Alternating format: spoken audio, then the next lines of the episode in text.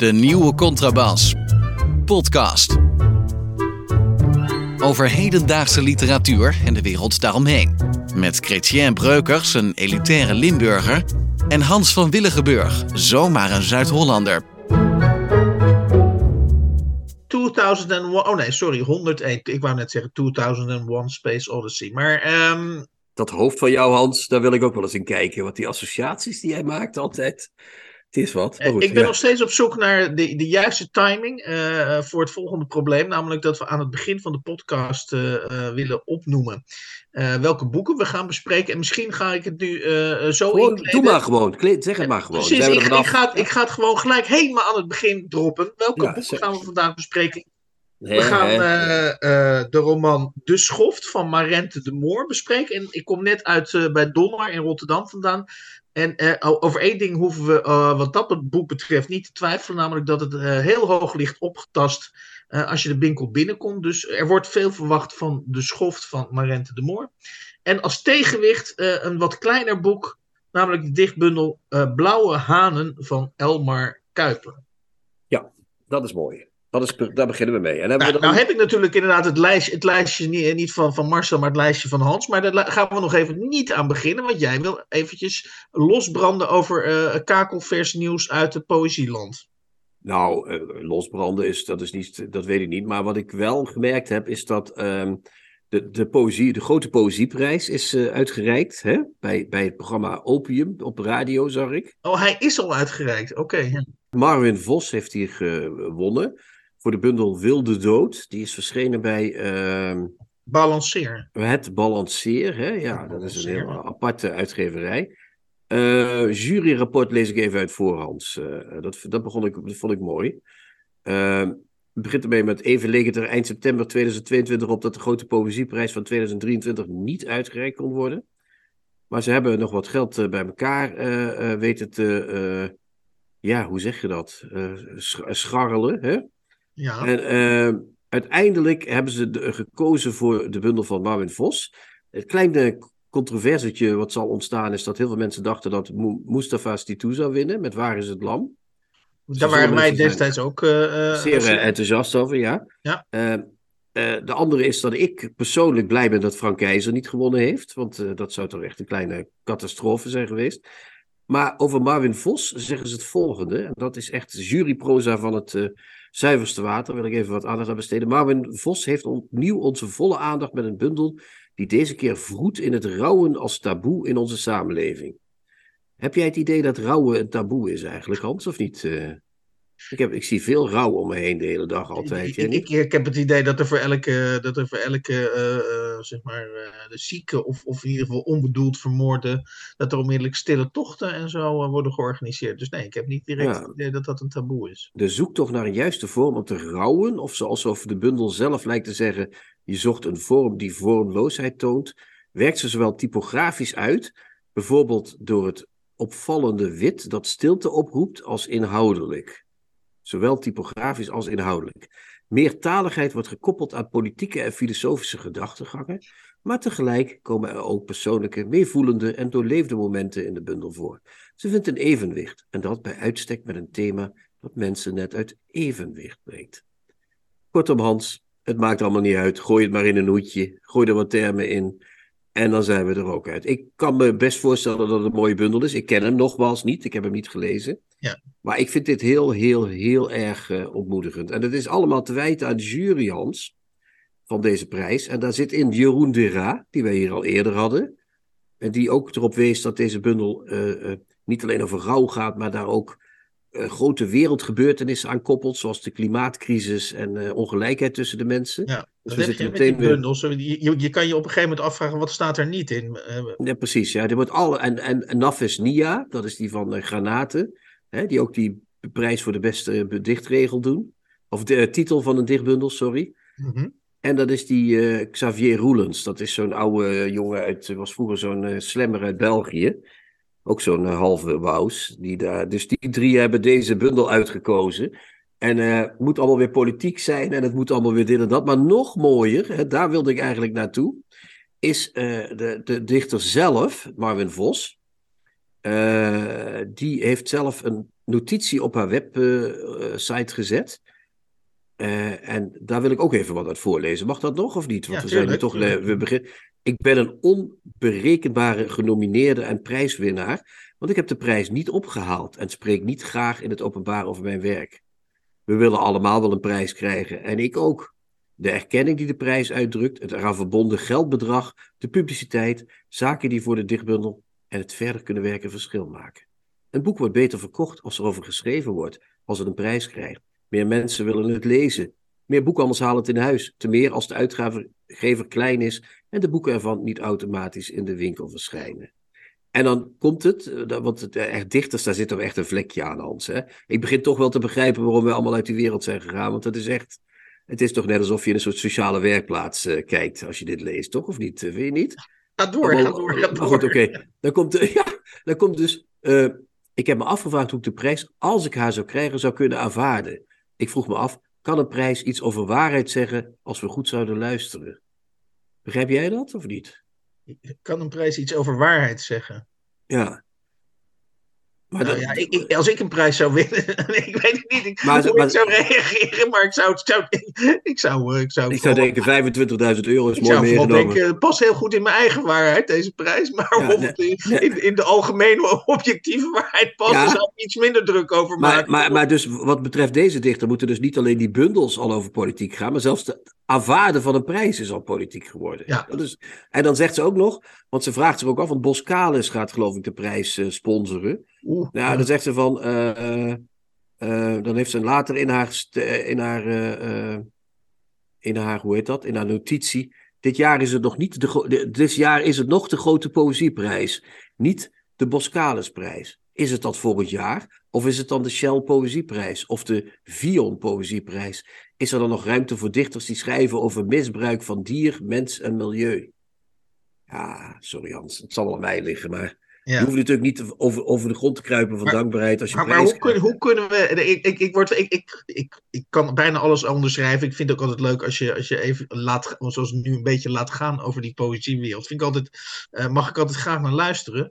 Eh, maar ik, ik, het roept wel mij de vraag op. Wat, wat moet je eigenlijk doen om Chrétien Breukers te bedienen? Hij staat altijd vooraan om zeg maar grote, imposante bestsellers eh, te verwijzen naar, naar de prullenbak. Maar dan, dan, dan komt er eens een klein alternatief politiek geluid. Maar dat is, dat is dan ook. eh, en, en ook bij een kleine uitgever. eh, normaaliter zijn wij, zijn wij natuurlijk. eh, zeggen we altijd tegen die recensenten. Nou, le- let eens op die uitgaven van kleinere uitgeverijen. Nu komt er een bundel van een kleine uitgever. En ja, ik Die geef wint toe- een prijs, een grote prijs. En dan Ja. is dat, dat vind ik mooi. Maar ik vind het geschuifel en gezemel om dat ding te aanvaarden. Daar hou ik niet van. Wees dan of. Vind ik ook prima, maar, maar, maar, de, maar, de, maar de ideologisch aangezette, eh vol vette ideologische proza, daar word ik zelf ook vrij. eh vrij Wat denk jij nou echt dat. Er was in het begin werd die prijs door de VSB gesponsord. Wat is dat? Een bank of zoiets? Of Dat is een bank, ja. ja. Nou, denk je nou echt dat die zich ooit bemoeid hebben met die juries of met wie die prijs zou krijgen? Tuurlijk Is, nee. is er dan nog ruimte voor dichters die schrijven over misbruik van dier, mens en milieu? Ja, maar Hans, waar is er anders ruimte voor op dit moment? Wat gebeurt er nog, wat gebeurt er nog meer dan dat? Toch? Ik Zeker. bedoel, het lijkt wel alsof daar alleen maar, maar. Wees dan een vent en zeg, of een vrouw, en, of, een, of een hen of hun. En zeg: Ik hoef die prijs niet, jongens. Jullie kunnen je gesponsorde geld in je reet steken. Ik hoef het niet. Dan heb je het bij Christian Breukers sowieso gewonnen. En ik sta sowieso, wil ik er even bij zeggen, altijd aan de kant van de, van de marginale, van alle auteurs, sowieso. Maar mensen die in het hoekje zitten, daar sta ik natuurlijk helemaal achter. Dat begrijp je. nou ja, goed. Maar ik mag dus niks meer Dat zeggen. is het het- aan een podcast. Hè? We, we, we, we hoeven nooit ergens een punt achter te zetten. Dus ook onze inzichten over de poëziewereld en over dichters evolueren eh, voortdurend. Maar, maar eh, als het gaat over eh, ehm, ja, niet te dragen teksten van juries, eh, eh, ben ik volledig team chrétien. Mocht je daar, Ja, nog, ja, eh, ja. mocht je daar nog aan twijfelen. Ja, dan heb ik even nog wat, wat, nog wat meer huishoudelijke berichten. Namelijk dat eh, ik wil sowieso Edwin Rabbi, Etienne Borgman en Lieke Wijnia nog even bedanken. Want zij zijn de laatste donateurs van de, de nieuwe contrabas. En voor mensen die dus alweer een jaar geleden gedoneerd hebben. eh, het wordt heel erg op prijs gesteld om... eh, eh, rap, rap u naar uw checkboek, lieve mensen. Dan kom ik bij, bij, volgens mij ook wel een Ja, ik vind het wel een interessante kwestie. We hebben de, volgens mij de vorige keer hebben we het, of, of twee uitzendingen geleden, of, of afleveringen geleden, of drie zelfs, heb ik het uitgebreid gehad. En we gaan haar zo ook bespreken. Maar Rente de Moor, die zei. ehm, eh, het is, we zijn nog één stap verwijderd van het, eh, van het moment dat een roman eh, of fictie als fake news wordt behandeld. Nou hadden we het tijdens, wat betreft de Libris Literatuurprijs, hadden we het over genres en of er roman op een boek, wel of niet roman op een boek staat. En ik merk dus nu steeds vaker, ik weet niet of jij dat ook merkt, Chrétien, dat, dat roman als, als, als, als, ja, zeg maar als genre-titel eh, steeds minder vaak op boeken terechtkomt. En, en volgens mij is, is roman, wat, wat, ja, wat ik, waarvan ik jarenlang begrepen heb van uitgevers, dat dat een manier is om eh, juist attentiewaarde te creëren, of in ieder geval meer verkoop. Eh, zie ik bijvoorbeeld dat jouw eigen uitgeverij Vleugels, bijvoorbeeld, die zet helemaal eh, geen genre-aanduiding meer eh, op, eh, op, op de boeken. Dus Ja, dat heeft hij nooit me- gedaan, volgens mij. ik vroeg me serieus af, is het nog wel, eh, is het nog wel een, eh, een seller, roman? I- Is het dus, gaan we niet naar een tijdperk waarin roman automatisch betekent fictie, automatisch betekent, oh, niet echt gebeurd, oh, verzonnen, oh, dan hoef ik het niet te lezen. Zou kunnen, ik weet het niet. Eh, Vroeger was dat natuurlijk het hoogste van het hoogste. Maar als ik hier de bestseller 60 zie, hè. Dan zie ik. Lucinda Riley staat op één. Dat is die van die zeven zussen. Staat daar een roman op? Dat denk ik wel, of niet? Even kijken. Nou, dat moet je dan even checken, denk ik. Ik, ik denk echt dat, dat die titel roman, dat die eh, eh, in, in on, niet, ja, langzaam in onbruik raakt, eerlijk gezegd. Ik zit even te zoeken of dat er echt voorop staat. Roman staat erop. Oké. Heel klein onderin bij de X van heel Xander. klein, hè? Nou, dat, ja, ja, maar dan hebben we het over. Dan op twee staat An Anja Daanje. Die staat op twee, moet je nagaan. Hé, hallo. Mhm, mhm. Dus dat is. eh er staat trouwens op het omslag niet roman, maar er staat wel in het boek roman. Want het wordt Ja. een roman genoemd. Op drie staat Hendrik Groen. Dat is het geriatrische proza, zoals Koen uh, Dat is heel leuk dat je hem noemt. Want ik wilde voorstellen uh, om uh, richting de vakantie uh, een keer een, uh, een ja, even licht is wat anders te doen. En een keer een Hendrik Groenetje uh, te, te, lezen. Maar goed, oké. Okay. Ja, ik heb ze alles ooit gelezen, jij niet? Nee, ik heb, ik heb er één gelezen volgens mij. Oh, ja, mijn moeder moet er altijd erg om lachen. Wil je niet een keer een podcast met mijn moeder maken? Dat je dan, uh, dat je dan met haar daarover... Want zij kent ze heel goed, die boeken. Ja, dat zou trouwens een geweldige podcast zijn. Zou ze zeggen, ja, ik weet niet meer precies wat het verhaal over gaat, maar het was heel leuk. Het was heel leuk. ben je zo klaar? Dat is echt geweldig. Ik zie het ineens voor me. Ik denk dat roman nog steeds wel, wel gebruikt wordt. Maar omdat er zoveel boeken zijn die gaan over het klimaat en over echt gebeurde dingen, gaan die dingen in elkaar overlopen. Dus worden allemaal echt gebeurde dingen die roman ingerommeld. Ja. En, en gaat er een roman steeds meer bekeken worden als iets wat echt gebeurd is. Omdat, maar dat komt omdat mensen niet zo goed kunnen lezen, helaas. Dat is. Ja, maar er is denk ik ook nog een andere reden waarom die roman uh, uh, niet meer. Ja, ik, ik zeg het, blijft wel romans verschijnen, dat is het punt niet. Maar die vermelding wordt volgens mij toch steeds. Uh, ja, zo, of dat minder, minder frequent, omdat die, dat aandeel non-fictie in de boekenverkoop gewoon gestaag in opmar, opmars ja. is. En, en je dus bij uitgevers, waar ze vroeger je dus zeg maar de juiste verleiding hadden om juist ook andere, soms an, iets, iets licht deviante genres onder roman te plaatsen. Omdat ze dachten, nou, dat, dat is aantrekkelijk. Denk ik nu dat, we, dat, dat, dat die aantrekkingskracht van uh, het begrip roman uh, juist uh, aan het verdwijnen is. En ja, dat... nou ja, literaire fictie is sowieso als, als aantrekkelijk genre aan het verdwijnen. Hè? Dus daarmee zal de roman ook een beetje een kelder, kelder ja. maken. Ja, ja. Tips van de week. Boeken, artikelen of pamfletten die boven het maaiveld uitsteken. Voor mij ligt het boek van Marente de Moor, De Schoft. En zoals ik net al zei, uh, was ik vandaag, uh, of gisteren moet ik zeggen, in Donner. En je hebt een aantal, meestal een aantal tit nieuwe titels die, uh, ja, die liggen in, in, in, allerlei choreografische vormen worden die gepresenteerd. Ja, dat wordt steeds gekker, hè? Vierkantjes, driehoekjes, kruisjes, ja. de gekste stapelingen. Dat is echt... Ik heb er ook een foto van gemaakt, dus misschien doen we dat, uh, doen we dat bij deze aflevering. Ja, mooi. Ik verheug me al op jou. Je hebt altijd van die prachtige foto's, Hans. Want, uh, op afstand zie je in de verte nog wat dingen liggen en zo. Dan krijgt ons weblog ook nog een beetje kunstzinnige inhoud. Ja, zeg maar. ja, ja dat is leuk. Ja. Maar het, het, oké, okay, het boek heet dus, of de roman, hè, de, en, en er staat op, op oh, oh je, het staat er, kijk, het staat, ja, er, roman, dus wel, staat het staat er dus wel op, maar je moet echt goed kijken tegenwoordig. Heel, het staat heel echt klein, klein op. Ja. ja. En de, uitgever, en de uitgeversnaam staat nog kleiner, alsof ze het een klein beetje verschamen dat ze het uitgeven. Zeg maar.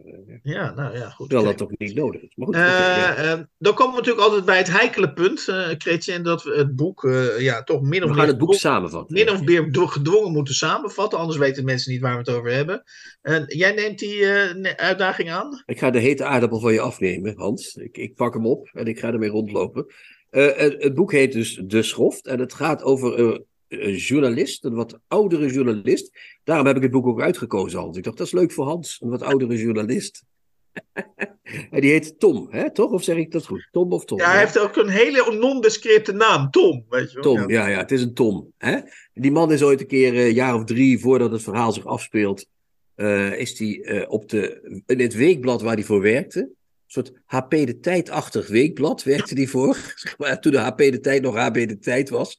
Ehm, daar werkte hij dan voor, maar is het niet woke genoeg, is hij daar eh, gewieberd, toch? Op dat, bij dat Ja, weekblad. dat klopt. En Even, even bio, autobiografisch detail, maar Rente de Moor heeft zelf ook voor HP de tijd gewerkt. Iedereen, Hans. Uiteindelijk hebben we allemaal een keer eh, iets met HP de tijd gedaan. we zijn allemaal schuldig. Maar die Tom, die is dus ooit ontslagen. En die is daarna gaan zitten mokken op zijn Amsterdamse bovenhuisje. En op een gegeven moment, na drie jaar, is hij weer bij de hoofdredacteur. Die hij lief heeft en haat tegelijk. Ooit een vriend van hem en daarna is het zijn grootste vijand geworden. Die, eh, die vraagt hem: Is het niet leuk als jij eens met zo'n schip meegaat van actievoerders. die eh, vluchtelingen oppikken op de Middellandse Zee? En daar gaat hij dan op reportage, hè? een soort Marcel van Roosmalen. die, die op reportage gaat in de, op een schip. En daar komt hij dus eh, actievoerders tegen. Die, die echt als actievoerders beschreven worden ook. Hè? Beetje vreemd geklede, rare types. En die pikken inderdaad ook op een gegeven moment een, eh, een lading eh, eh, vluchtelingen op. Op die eh, zee. En dan begint het gesodemieter op dat schip. want ze krijgen die vluchtelingen niet kwijt. Want al die vluchtelingen, daar proberen ze mee naar Italië te gaan. Maar die zeggen, nou nee, dankjewel. We hebben al een, Ja. vlucht, we hebben al, we hebben al een vluchteling. Zeg maar, we hoeven niet nog meer. Dus, en die journalist wordt een beetje, die komt een beetje in het midden van het spel te staan. Want die, eh, eh, ze verwachten, die actievoerders verwachten dat die eh, journalist in Nederland een goed woordje voor ze doet. Ja. Zodat die vluchtelingen in Nederland terecht kunnen komen. Maar hij heeft er eigenlijk met zijn hele rechtse wezen niet zoveel zin in om daar de goed heiligman te spelen. Bovendien is hij journalist en geen actievoerder. Ja, hij, is, hij, hij wordt op een gegeven moment het woord onbetrokken. Ik ben Ja, hij, onbetrokken- hij- op het, ja, dat probeert hij te zijn, maar hij wordt er toch ondanks zichzelf steeds meer ingetrokken ook. En dan gebeuren er aan het eind nog een aantal dingen die kan ik niet vertellen, want dan verklap ik het einde. Maar, maar er komt een soort, eh, soort, soort Run Forest Run-achtige einde zit er in het boek, toch? Of zeg ik dat niet goed? Waarin ja, die- ik weet niet wat Run, run Forest. Run. ja, die gaat rennen, maar hij gaat zwemmen. Ja, dan begin ik Oké, al iets ja. te verraden. Maar eh, dat, dat, dat, eh, dat, dat, dan gaat hij dus. Hij komt wel van het schip af, maar er gebeuren een paar dingen die we niet kunnen verklappen zonder het plot van het verhaal eh, te, te, te spoilen. Maar het gaat dus om, en dat is de hoofd van het verhaal, om die journalist op dat schip met die vluchtelingen en die actievoerders. Dat heeft ze als dramatisch toneel gekozen voor die roman. Ja. Toch? Nee, je, legt het prima uit, dus eh, chapeau. Eh, kijk, Marente de Moor is zelf journalist geweest en die heeft duidelijk, in mijn, in mijn ogen duidelijk, ja, eh, ze, woont volgens mij ook in een bos. Volgens mij eh, werd ze ook geïnterviewd laatst. Ze woont volgens, mij zelfs op het drie landenpunt. Of, eh, in Sorry, Zuid- zij zelf bedoel je? Of, Hè? bedoel je dat ze daar zelf woont? Serieus? Ja, ja, ze Oh, woont... Op het ze, is- drie ze gaat geloof ik af en, toe terug, naar- af en toe terug naar Amsterdam. Maar ze is graag in de natuur en, en in een schrijfhuisje. En, en je, ik zie haar in dat schrijfhuisje inderdaad bij wijze van spreken handen wrijvend eh, nadenken over inderdaad een wat oudere journalist die ze eh, lekker in de problemen gaat brengen of in gewetensnood gaat brengen op dat, eh, op dat schip. En et cetera, et cetera. Dus, En die vluchtelingen, die vluchtelingen zijn trouwens ook geen lievertjes, als ik eerlijk nou, moet nee, nee, nee, nee, ho, ho. En, en, ze- en, en die actie, Ja. oh, daar kom je nog op. En die actievoerders, daar ben ik ook niet helemaal gek op. Maar goed, oké. Nee, maar het gaat, het, het gaat over het boek. Hè? Het gaat niet, of, of Nee, wil jij gelijk de, de, de- of wil jij de, gelijk de personages gaan balloteren? Nee, nee, nee, nee. Ik bedoel te zeggen, eh, nu lijkt het net alsof die journalist de enige is die een beetje een suspect eh, figuur is, of half-half. Nee. Maar, maar zij, zij doet wel degelijk bij iedereen eh, iets lelijks, zeg maar. Ja, Dat- maar, maar, ga verder, sorry, ja. Mijn grote probleem met dit boek is het volgende. Ehm, ehm, is dat ik. het heeft vijf hoofdstukken, verdeeld ook over een soort vijf zeegodinnen. die waken over de Middelland, Middellandse Zee, want daar speelt het zich natuurlijk allemaal af. En in, die, in dat eerste hoofdstuk, nou, wat, wat 52 pagina's lang duurt, had ik echt het idee, nou, ja, verdorie zeg. Ik, ik was juist hartstikke geïnteresseerd in Mariette de Moor. Ik had ontzettend veel zin. Ik vond het uh, in principe, de inhoud sprak me aan. Dus ik was vol positieve zin. En na 52 pagina's had ik echt zoiets van, het pakt me niet. het komt niet van de grond, zo, zo, zo, zo. En waar Rempel, om, omdat ik natuurlijk dan doorzet, begon het me vanaf het tweede hoofdstuk ineens wel veel meer te boeien. Ging het opeens wel relief krijgen. En um, uh, ja, werd, werd ik er enthousiast over. Kwam die figuur Tom, uh, stond ook uh, eind, eind, op, eindelijk. Ja, en, ja, ja, ja. Um, dus even kijken, ik heb daar volgens mij bij 52 heb ik ook een... Oh ja, want, want tot die tijd vind ik het dus heel, heel vlak. Heb ik dus heel weinig, zeg maar, een emotionele ingang om me bij dit ooit prachtig bedachte verhaal aan te knopen of aan te haken. Maar dan komt er bij 52 vind ik opeens dat ze zich laat kennen als wel een begaafd beschrijfster. Dan, dan, dan komen we bij het moment dat die vluchtelingen aan boord worden gehezen. En dan uh, citeer ik het volgende. Tom, de journalist dus, Tom verbaasde zich over het gebrek aan spanning bij de jonge bemanning. Ze werkten de hachelijkste handelingen af alsof ze kaartjes controleerden bij een festival. Steeds zelf de kalmte bewarend waartoe ze de e evacuees opriepen.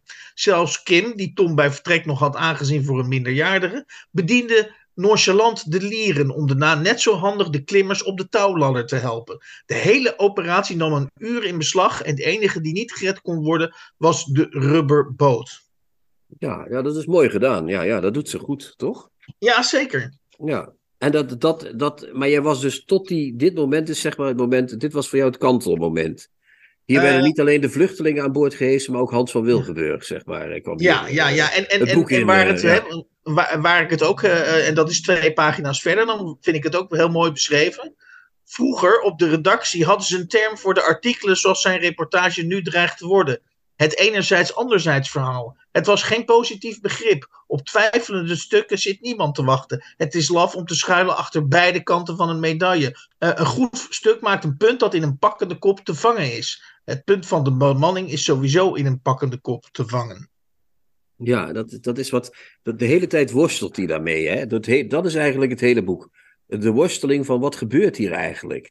Ze komen op een gegeven moment ook zonder eten te zitten, of hebben minder eten. Ja, Want ze, ze komen die vluchteling niet kwijt, en ze kunnen niet fourageren. Dus ja, ja. ja. Dus, eh, dat wordt alsmaar hachelijker en toestanden in, op het schip worden een beetje. Er speelt ook nog een of andere merkwaardige vluchteling die misschien ook wel een eh, munt, mensenhandelaar is, een rolletje. Hè? Zeker. die, die, die, die wat vaag is en die overal eh, allemaal vingers in de pap heeft, zonder dat hij begrijpt wat er aan de, zonder dat die Tom begrijpt wat er aan de hand is. Die, Ja. Hij krijgt ook een soort conflict met die, met die actievoerders, hè? met die vrouwen. Voornamelijk vrouwen, één man. Wat vind jij van, dat- van, dat, van dat personage wat hij min of meer persoonlijk onder zijn hoede neemt, of waar hij een soort koppel mee vormt? Ja, die, Dat, die, is, dat eh, is die vluchteling uit Senegal, een Adama of Adama, ik weet niet hoe je dat, ja, hoe je dat moet uitspraken. Ja. En, en daar gaat ze dus, eh, eh, wat mij betreft, ook weer. Daar, nou ja, ik, op, op dat punt in het boek, we zitten nu op pagina 72, zit ik er behoorlijk in. En maar die, je weer eruit gegooid. maar hè? die Adama, dat, dat wordt dus. Dat, dat, ja, die, die, ik weet niet, die, dat is dus een, een, een, een Senegalees van 26. Ja, die- maar- die de waar die dus is mee die is- optrekt. Ja, die zich voor jonger voor, die, die, doet- doet alsof hij jonger is. Hè? Ja, Die precies. zegt dat hij 18 is, maar is 26. Dus dat is ook wel zo'n cliché, zeg maar. Zo'n zo'n vluchtelingen cliché. Dat- En dan komen we dus bij pagina 72 en dan, dan gaat er iets heel raars gebeuren. En ik, ik probeer een beetje spanning op te bouwen door het volgende te citeren. Dan is er een dialoog tussen eh, Tom, de, de journalist, en, en Adama, of Adama uit Senegal. Hmm. En dan zegt Adama, ik dacht dat je me niet zou interviewen. En dan zegt Tom, dat doe ik ook niet, ik noteer alleen wat gedachten. En dan vraagt Adama, jouw gedachten of de mijne? Ja, dat vind ik flauw. Nee, pas op, pas op. Dan zegt eh, eh, Tom: Is dat niet het fijne van gedachten? Dat je ze kunt delen zonder erop te verliezen? Vraagteken. En dan zegt, let op, dan zegt Adama: Dat is niet helemaal waar, Tom. Op sommige gedachten kun je maar beter zuinig zijn. Ja, ja, ja. Nou dat ja, is niet, niet het eh, allersterkste, is dat. eh, nee. Hè? Dat vind ik niet het allersterkste. Maar ik heb, ik heb wel een mening over het boek, als ik even mag. Ja, ja. Eh, en dat is dat ik, eh, net zoals jij, eh, bij tijd en wijle meegesleept raak. En ehm, op het eind krijgt het geheel ook een beetje sprookjesachtige kant. Hè? Dan komt de, de grote zeegodin nog meespelen. Zeker. Dan vind ik het eigenlijk heel mooi gedaan. Als, als ze dus lyrische stukken schrijft of, of beschrijvende stukken, daar vind ik haar heel goed in. Mm Maar de roman als geheel vind ik erg schematisch. Dus ze heeft duidelijk geworsteld met, uh, met de vraag: hoe moet ik die personages tegenover elkaar zetten? Wat, wat, is, de, wat is de rol die ze spelen? Wat, ja. Op laatst sleept ze er de oorlog in de Oekraïne ook nog bij. Hè? Die wordt ook ja, mee, meegetrokken. Ja. Um, ik, ik vraag me dus echt af of ze dit wel. Dit, dit, is, ja, ik vind dit schematisch. Ik heb zelfs om, om, als voorbereiding haar vorige boek gelezen. Phone heet dat. Ja, dat vind en, ik wel heel uh, fideel dat je dat gedaan hebt. Ja, en dat, en dat vind ik. En dat speelt zich, dat speelt zich af op een Russisch. Uh, ergens op het platteland. Waar twee mensen nog. Uh, zijn ooit in de communistische tijd zich hebben teruggetrokken. Die daar nog steeds wonen. En dat is een prachtig boek. Dat is heel mooi geschreven. Dat is volledig. Uh, dat is ook sprookjesachtig. Dat, dat, dat Mhm. is trouwens iets wat bij haar steeds terugkomt. Dat sprookjesachtige. En dat is echt een geweldige roman. Die is heel goed gelukt. En hier kom ik iedere keer toch weer op het idee dat ik denk. Ze heeft het wel gewild, maar dit is te, te, te, te toneelachtig of te schetsmatig uh, gebleven. Mhm. En ik heb ook nog uh, columns haar eerste boek, Peterburgse Vertellingen, gelezen toen ik toch bezig was. En daar komen allemaal ook verhalen over Rusland in voor. Dat is omdat ze daar volgens mij gewoond heeft een tijd. Ja, klopt, klopt. En tijd, flinke tijd zelfs. En um, zowel in de Sovjet-tijd als daarna. En dat, dat waren ook hele leuke columns, waarin hele, ja, mo mooi verteld. Ook, ook vaak een beetje sprookjesachtig over beren en over allerlei Sovjet-dingen. En hier zit het allemaal in, maar het is niet het beste boek, denk ik, wat ze geschreven heeft, als ik eerlijk ben. Zeker niet, zeker niet. Ik heb niet alles gelezen, maar van die drie was dit het minste al, eigenlijk. Als ik ja, eerlijk moet en dan heb ik op pagina 73, maar goed, dat, is, dat, dat neigt natuurlijk altijd naar een beetje flauwiteit. Maar dan, dan, uh, dan die Adama, die ik net ook al citeerde, die, die, maar, die Senegalees die maar blijft rondstrooien met, uh, met allerlei hoge intelligente opmerkingen. Die zegt dan op een gegeven moment op pagina 73, 73 ik heb alle hoop laten varen, zegt Adama. Zelfs de wanhoop. Als je niet meer kunt wanhopen, maar willoos over de wereld rolt als steppenkruid, heb je niets meer te verliezen. Ja, weet je, die, is, dat is wel erg. Ste steppen, een Senegalees die het heeft over steppenkruid. Uh, ja, het is een beetje. Het is een beetje boot. Een, ja, het is een gemaakte metafoor is het. Hè? Ik heb wel nog een heel mooi stukje. Misschien kunnen we dat als slot dan doen. Want er zitten ook wel mooie stukken in, vind ik. Ja.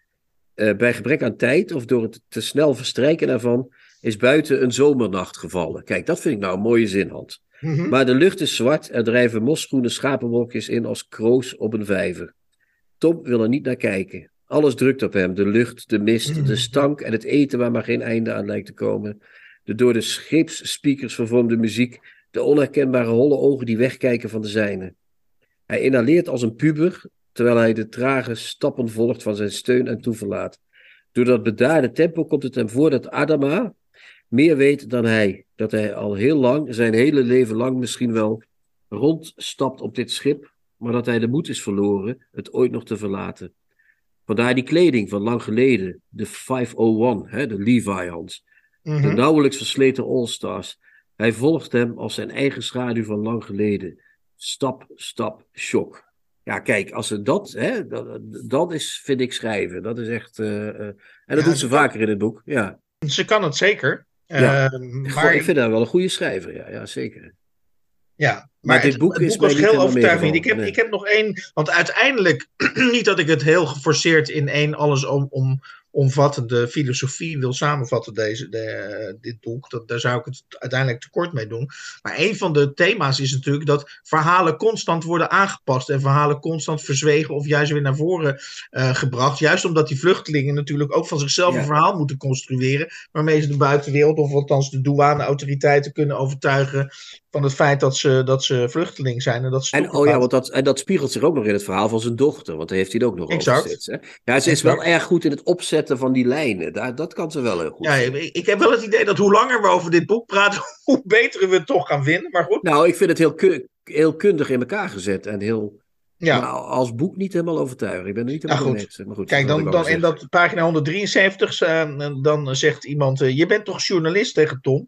Journalisten benadrukken het ene en laten het andere weg en krijgen daar goed voor betaald.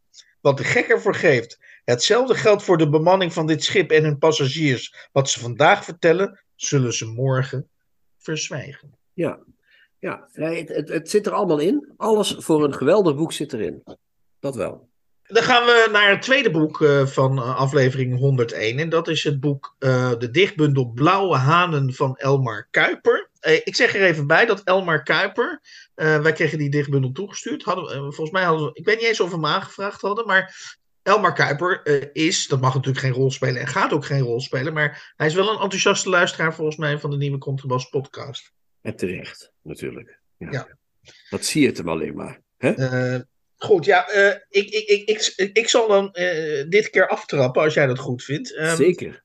Ik ben heel enthousiast over, over deze bundel van Elmar Kuiper. En waarom ben ik er enthousiast over? Omdat hij, um, die poëzie doet me in zekere zin denken aan de door ons ook regelmatig besproken Arjen Duinker. zijn, zijn poëzie is wat mij betreft samen met dat van Duinker een, een poëzie die overladen wordt of is met met, met dicht plezier. Dus ja, uh, net, als bij Arjen Duin, net als bij Arjen Duinker heb je bij Elmar Kuiper het idee. Nou, deze man die, die, die, die vindt het zo leuk, dat dichten. Die, die, die, die vindt het zo leuk om gedichten te maken. En dat, dat plezier, uh, um, en, en dat, dat hij dat zelf leuk en plezierig vindt, dat mag natuurlijk helemaal geen rol spelen. Maar hij brengt dat ook echt over in die gedichten, uh, heb ik het idee. Of, of dat sloeg heel erg op mij over. Ja, want achterop de bundel staat: hij is een lyricus puur zang. Maar ik zou, ik zou hem een baldadicus zonder uh, noemen. Echt een baldadige dichter is het echt, ja.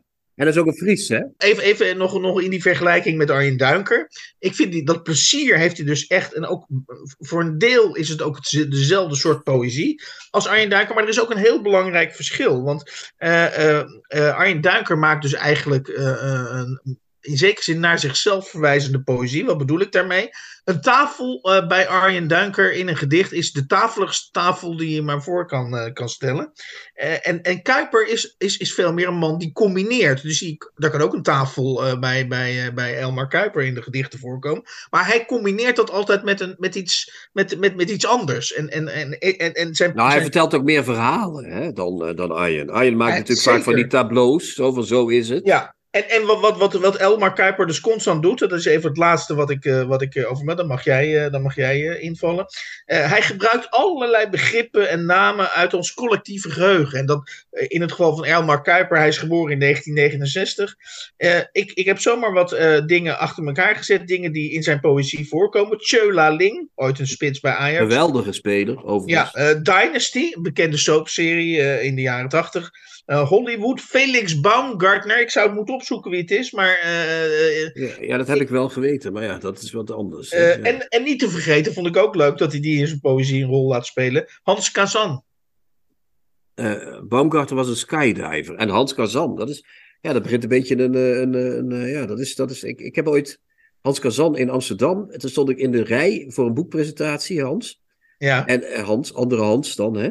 En tegen jou zeg ik dit nu. En toen uh, stond een vriend naast mij die zei van, nou, jij, die had dit over een stukje dat ik geschreven had. Die zei, dat is heel onwaarschijnlijk. Ik zei, ik schrijf nooit iets op wat niet gebeurd is. En op dat moment stopte er op het spui in Amsterdam, waar we op de reis hadden, een auto. Dat mag al helemaal niet. En daar stapte Hans Kazan toen uit. Ik zei tegen die vriend, zie je wel? er gebeurde altijd iets geks. Het is gewoon zo. Dus, maar goed, oké, okay, verder. Op met de poëzie, neem ik wel. Ja. ja. Uh, ja, dus, dus mijn ik vond die bundel eigenlijk één groot feest. En ja, Hij, hij maakt natuurlijk geen geheim van dat hij uit Friesland komt. En uh, uh, dat uh, zeg maar de scheiding natuurlijk, onnatuurlijk, keuze, noodlot speelt een grote rol. En ehm, het, gedicht op pagina 40, gekleurde feiten. Ja, dat, vind, dat, dat begint met wat mij betreft prachtige statement ik kwam geel op de wereld. Ja, dat is wel. Ik stop, stopte een duim in mijn vuist en fladderde als een vogel. Ja. ja dat is al een schitterend begin natuurlijk. Ja, ja. Hij, hij is, het is ook leuk, wat ik het leuk aan deze bundel vond. Jij zei al, jij noemde al die dingen al. Tjöla Ling, Felix Baumgartner is een skydiver. Is dat ja, dus? dat blijkt een skydiver. Uh, ja, wist ik ook niet. Maar uh, al, het is een bundel die, uh, zeg maar, we kunnen die koppelen aan, zoals ze het bij de grote poëzieprijs doen, aan politieke kwesties of aan het milieu of aan de ondergang van de wereld.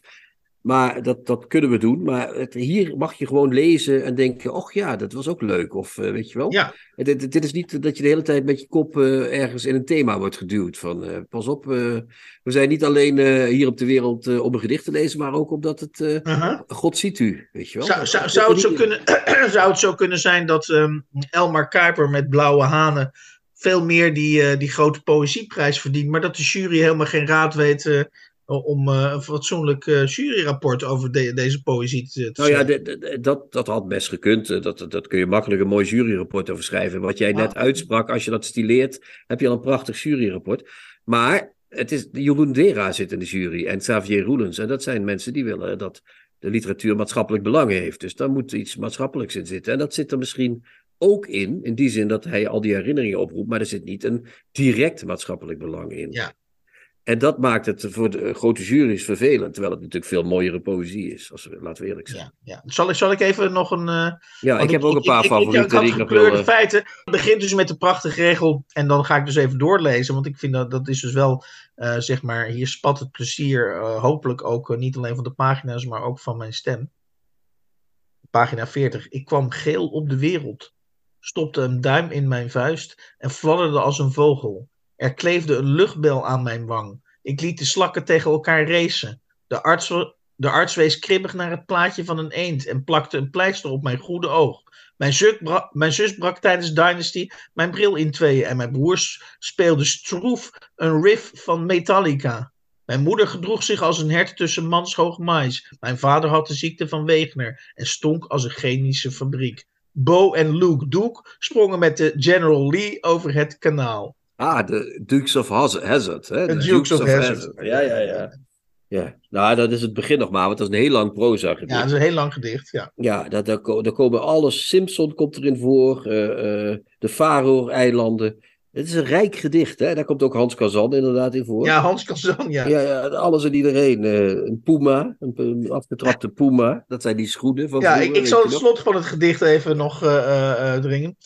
Ik dronk uit een halve ananas. Bij de psycholoog zag ik een ventje dat zijn veterdiploma niet had gehaald. Ik liep naar hem toe, boog me voorover en legde een lusje in zijn afgetrapte puma en fluisterde dat ik van hem hield en dat hij me altijd vragen mocht. Ja, ja misschien is het wel. Dat is de poëzie van Elmar Kuiper. Hè? Het is al die details die je op elkaar stapelt. Dat is, het, dat is de werkelijkheid. Of dat is de wereld, weet je wel. Ja? Dat is zo mooi. Dat is, ja, je hebt gelijk dat dat ook aan Arjen Duiker doet denken. En misschien ook wel een beetje aan Alara Adilov. We slaan toch een beetje op hetzelfde soort poëzie aan of zo. Ja, hè? ja, ja, ja. Dat is echt. We uh, nog steeds geen ruzie, Christian. Ja. Nou, dat kunnen we altijd een keer doen. Maakt niet uit. We kunnen misschien een tijdje ruzie. Maar mag ik nog één gedicht tot slot? Uh, ja, heel graag. Heel dat graag. is ook kort, korter gedicht hoor. Er staat ook wat langer in. Het heet Ooit geleerd, bladzijde 48. Oh ja, dat is ook mooi. Ja. Jezus leest de kruiseringsscène uit zijn bestseller. Hij is een serieus type, met genoeg kracht in de vingers uit het paradijs getuimeld, allicht. Nadat hij is uitgelezen, zegt hij doeg en beent weg, terwijl zijn discipelen, tien huisvrouwen van 50 plus, wachten op een handtekening. Buiten, onder een lantaarnpaal, bekijkt hij zijn handen en wrijft over zijn polsen. Nee, hij kan niet terug. Tommy. Chrétien reageert op de nieuwste schrijfsels van succesauteur Tommy Wieringa. En dan gaan we ons nu overgeven aan iets uh, waar we ons een tijd lang niet aan hebben overgegeven. We gaan ons om, overgeven aan Tommy Wieringa. Hij is terug, Hans. Hij is terug in de Volkskrant als columnist. Ja, al een tijdje, hè? al een paar weken. ja, maar om de twee weken, dus dat schiet niet op. Uh, ik heb even gewacht tot er een klein, uh, tot hij helemaal in vorm was. de vierde column is dit, geloof ik. zaterdag 13 mei verschenen in de Volkskrant Boeken. En er staat trouwens een foto van een geserreerde Tommy bij. Hij is niet meer zo dat macho mannetje van de NRC. heeft een wat voorzichtiger, uh, heeft ook niet meer zo'n strakke kleding aan. Het is een wat rustigere man geworden, denk ik. En, en zijn column, uh, die, die, het is ook de Volkskrant, hè, de NRC. Dat zijn allemaal van die blitse types natuurlijk, zoals, uh, zoals Michel Krielaars. enfin, maar dat, laten we daar even niet, dit, dat pad hoeven niet te bewandelen. Zijn column van de 13e mei heet Hallo Woestijn. Want we hebben er al over gehad, hè Hans. De thema's zijn verdeeld. De democratie is voor Ilja. Ja. En het klimaat is voor Tommy. Uh, zal ik eens even zeggen, want die column die kan ik natuurlijk niet helemaal voorlezen, maar ik ga wel het begin even voorlezen. Ja, doe dat, doe dat. Een treinreis door Europa voelt als het afscheid van een geliefde. Daar gaat ze. We willen niet, maar moeten het onder ogen zien. We nemen afscheid van bossen en gletsjers, van sneeuw en ijs en meren en rivieren, en nog van zoveel meer. Het verlies is wel in het algemeen, maar niet in zijn geheel te overzien. In februari vliegen er bossen in brand langs de Middellandse Zee. In april kampt een kwart van Europa met grote droogte. We zullen delen van het continent opgeven en de woestijn begroeten. Dus we zitten hier in de klimaatcatastrofe, Hans. Dat hoor je wel, hè? Ja, ja. Maar, en we letten ook op, hè, want het is de subliminale boodschap. Het is een treinreis door Europa, Hans. Tommy gaat niet meer zomaar met het vliegtuig. Die, is, uh, die, die, gaat met de trein. Uh, in die column vertelt hij dan een verhaal dat hij met, uh, met zijn dochters in de trein zit. Die dochters die bestellen in die restauratiewagen een patat met curryworst. je kent het wel, de Duitse delicatesse. Ja, ja. Cultureel erfgoed. omdat iemand het moet doen, kies ik voor de vegetarische variant, zegt hij dan. Dat vind ik ook zo prachtig. Hè? Tommy is zo goed. Hij zelfs, zelfs tegen zijn dochters is, hij, kan hij nog niet laten om nog goed te doen. Weet je wel? Zo, jullie eten vlees, maar papa, papa leidt voor de wereld. En die gaat. Want er, er is weinig in de wereld viezer dan een vegetarische worst. Dat is echt. Ik bedoel, ik eet weinig vlees, maar dat is echt niet te vreten, zo'n vegetarische worst. Maar goed. Dan heeft hij een hele uh, mooie uh, bespiegeling over, uh, over het klimaat. Dus, hè. Hij beweert dus dat, dat Europa een soort woestijn gaat worden, of een soort no man's land. Dat, dat, weet ik niet of dat zo is, daar kun je over, de, over twisten. Dan noemt hij een film die op dit moment speelt, Plan 75. Dat schijnt een Japanse film te zijn. Dan krijgen uh, mensen de kans om zich na 75ste vrijwillig te laten euthanaseren. Om, uh, te, dat het opgeruimd staat netjes, weet je wel. Dan ja, precies. wordt de wereld een betere plek. Uh, en dan heeft hij een mooi voorstel. En dan zegt hij, een euthanasieproject is ook een probaat middel tegen het teveel aan verleden en herinnering. Die aandoening van het gemoed, die zulke onvergankelijke dichtregels heeft opgeleverd als deze. Nou, dan noemt hij, gaat hij Eliot citeren. En dan zegt hij: het gedachte-experiment van Plan 75 kan ook worden toegepast op onze ecologische voetafdruk. Wie van u is bereid de aarde te verlaten om zijn aandeel in die klimaatcrisis te stoppen? Wie? vraagt hij. Hè? Hij zegt: We komen er nog, papa. Waar sociale rechtvaardigheidsactivisten mij vanwege mijn privileges als witte middelbare man vragen om een stapje opzij te doen voor een jonger iemand van kleur, kunnen klimaat, klimaatactivisten mij vragen om mijn leven te beëindigen voor de toekomst van jongeren en de aarde in het algemeen. Dat is nog eens iets anders dan vegetarische curryworst. Dus hij zegt ook wel er meteen bij: wat ik doe is klein bier. Maar zou ik mijzelf op de. Nou, nou, nou is de vraag dus, Hans. Zou ja, ja. Tommy, de door ons. God heeft ons op een schaaltje Tommy gebracht. Hè? Hè? Is ooit. Is God is naar beneden gekomen, heeft, het, heeft gezegd: hier. We hadden Christus, 2000 jaar geleden. Hoofdpersoon in een boek. Maar nu heb ik een schrijver van boeken. Die breng ik jullie. Uh, zou die daartoe bereid zijn, denk je, Hans? Je hebt het niet gelezen of wel? Nee, ik heb die column niet nou, gelezen. Ja, ja of nee, zeg het maar. Uh, Tommy zelf. Nou, ja. ik, ik, denk dat we. Ik, ik, voel een, ik voel een ingezonde brief bij mezelf aankomen richting de Volkskrant. En dat is dat ik van uh, dat ik Tommy uh, graag. als hij 75, 75 verjaar, verjaardag viert. Nee, nee, nee. Je moet nu weg, hè? Om nu weg om, om het klimaat nee, je moet. Jawel. Plan hij zegt, ja? zegt, kunnen klimaatactivisten mij vragen om mijn leven te beëindigen voor de toekomst van jongeren? Ja, dus nu, als hij nu 75, echt, maar als hij 75 is, toch? Hij trekt dat experiment van die 75-jarige door naar... Stel nou dat ze me nu zouden vragen van... Jij bent in de 50 al, de beste tijd gehad. Het klimaat is vervelend, oké. hebben te veel mensen. Nu moet je weg. Zou hij daar ja of nee tegen zeggen? Nou, ik denk dat hij dat niet zou doen, nee. Nou, daar staat ja, ik ben bereid. Zou daarop misschien het juiste antwoord zijn, schrijft hij dan. Maar alleen als jullie de daad zelf vertrekken in het openbaar op een marktplein of een rotonde. Jullie, hè, zegt hij ook. Niet ik. Dus je hebt gelijk, hij zal het waarschijnlijk niet doen. Dus hij doet het niet. Dat is jammer natuurlijk. Hè? En dat is toch weer zoals alle columns van, van Tommy. Ja, maar hij geeft dus wel impliciet toe, als ik het goed begrijp, geeft hij impliciet dat hij ja aan- zou aan- moeten zeggen. Ja. Nee, hij zegt, aan, aan, een, aan, een groep activisten, wie dat dan ook mogen zijn. Eh, Om dat te hij, doen. Hij, hij zegt dus, hij- als ik het goed, ik vertaal het even. Hij heeft dus bij voorbaat een begrip voor activisten die tegen Tommy zeggen: Ja, maar jij, jij, jij moet nu wel echt weg hoor. Want, want- nee, nee, hij zegt ja, ik ben bereid, zou daarop misschien het juiste antwoord zijn. Maar alleen als jullie de daad zelf vertrekken in het openbaar, op een marktplein of een Ja. rotonde. Dus Ja, die ja. moeten zich daar dan zelf ombrengen, op die marktplein of op dat rotonde. Nee, ze moeten hem ombrengen, toch? Nee, als jullie de daad zelf voltrekken Oh, oké. Denk je dat ze hem dan moeten... Ja, nee, hij zegt, hij, hij zegt ik ga het niet zelf doen, maar de, jullie, jullie, jullie als jonge, jonge, jonge klimaatactivisten, jullie zijn nog vitaal genoeg om mij af te schieten. Dus dat moeten jullie dan ook maar doen. Nou, dat weet ik niet. Ik lees, dan, dan ben ik dus dan ben ik niet heel goed in het lezen van die zin. Ja, ik ben bereid, zou dat misschien het juiste antwoord zijn. Ja. Ik ben bereid om weg te gaan. Maar alleen als jullie inderdaad zelf wat. Oh, dus dan moeten die klimaatactivisten hem ombrengen, zeg maar. Uh, ja, dat is, ook, dat is op zich wel een leuk, leuk experiment om tijdens de podcast de interpretatie van een column inderdaad. Uh, ja, verdomd. Ik heb dat dan zo gelezen als dat die mensen dat dan met zichzelf zouden doen. Niet met hem, maar met zichzelf. Nee, nee. Dus nu zie ik ineens iets heel. Nu word ik heel droevig, Hans ineens. Ik zie ineens Tommy op een marktplein staan helemaal alleen, vastgebonden aan een paal. Ja. En dan komen klimaatactivisten en die maken hem dan dood. Dat is toch ook treurig, of niet? Ik hoop wel dat hij ja, de, af Ik denk wel, uh, als, als even, even, even teruggrijpend op, op, op, op, op de figuur, de goddelijke figuur Tommy Wieringa, en zoals je hem in, in, in die prachtige serie Tommy hebt neergezet. Hij uh, wil dus uh, zichzelf opofferen. In, in, dat, in dat licht zie ik een, een, zeg maar, een, maakt hij hier een dramatisch gebaar, zoals ik zou bijna zeggen alleen Tommy Wieringa dat kan maken. Ja, wie... en, en, en, en is hij misschien, denkt hij van nou, ik ben denk ik wel de eerste Nederlandse columnist uh, die met het voorstel komt om zichzelf nog te laten ombrengen door klimaatactivisten. Ja, maar dan, denkt hij misschien wel bij zichzelf, Tommy kennende, nou, daar ben ik maar mooi de eerste mee. Ja, dat, dat zonder meer. Ik zou ook zeggen, goed voorbeeld doet goed volgen, zou ik willen zeggen, tegen menig columnist. Maar goed, maar, maar het maakt mij ook ineens, uh, ja nee, maar dan begrijp ik ook ineens de Jezus-vergelijking die ik net maakte. Hij is natuurlijk een soort, hij is nog, ik heb, het, ik heb de grootheid van Tommy, uh, Hans, hier in deze column niet goed helemaal goed doorgrond. Het was te groot. Ik kon het niet zien. Ik zag de grootheid niet. Ik zag het. Nee. Maar nu zie ik het. Ja, ja. Ik zou, misschien zou het nog mooier zijn, Hans. Nog mooier zit ik nu even te associëren. Als ik het zou doen. Als ik zou zeggen: Tommy, ga er maar staan. Geef mij een geweer. En ik Hè? Zou dat niet mooi zijn? Zou dat, niet... dat is ongekend in de Nederlandse literatuur. Hè? Dan gaan we allebei de geschiedenis in. Ja, dat, zo, maar zo zijn iets, wij. Ik, iets, ik iets lelijker dan hij, maar toch.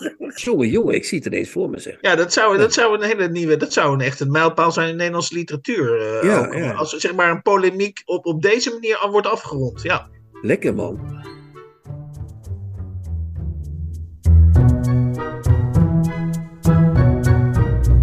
De nieuwe contrabas podcast. In de uh, eh, 101ste aflevering van de nieuwe Contrabas podcast uh, bespraken we achtereenvolgens Marente de Moor met De Schoft.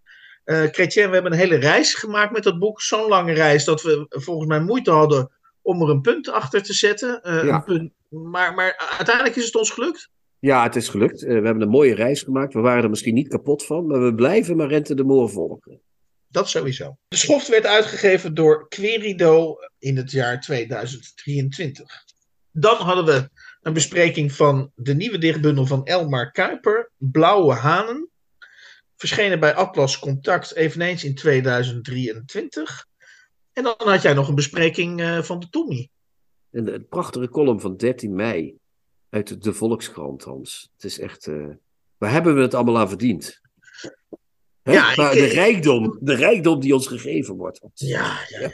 Maar goed, we, we, we, we, gaan verder. Volgende week weer. Ja, we zijn, we zijn wel een beetje een tweede leven begonnen, heb ik het idee, naar, naar onze honderdste aflevering, toch? Ja, we zijn, uh, we zijn reborn. We zijn uh, renewed. We zijn beter dan ooit. Wat dan ook. Ik weet het niet, Hans. Zeg het maar. Zullen we gewoon dag zeggen en tot de volgende keer? Het lijkt me beter, toch? Of niet? ciao, ciao, lieve mensen.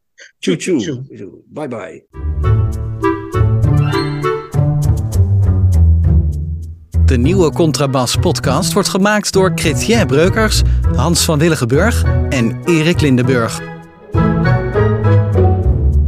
Kijk jij ook elke week uit naar de nieuwe Contrabas podcast? Voeg dan de daad bij het woord en word officieel supporter. Dat kan al vanaf 1 euro per week, oftewel 52 euro per jaar. Draag je ons een heel warm hart toe, dan kun je ook Golden Supporter worden voor 104 euro en Platinum Supporter voor 208 euro per jaar. En wat krijg je daarvoor terug? Dan luister je met nog meer plezier naar ons uitgesproken geluid wekelijks over literatuur. En wat je ook geeft, ga naar gofundme.denieuwecontrabas.blog. Nog één keer? gofundme.denieuwecontrabas.blog. Hup, hup, hup.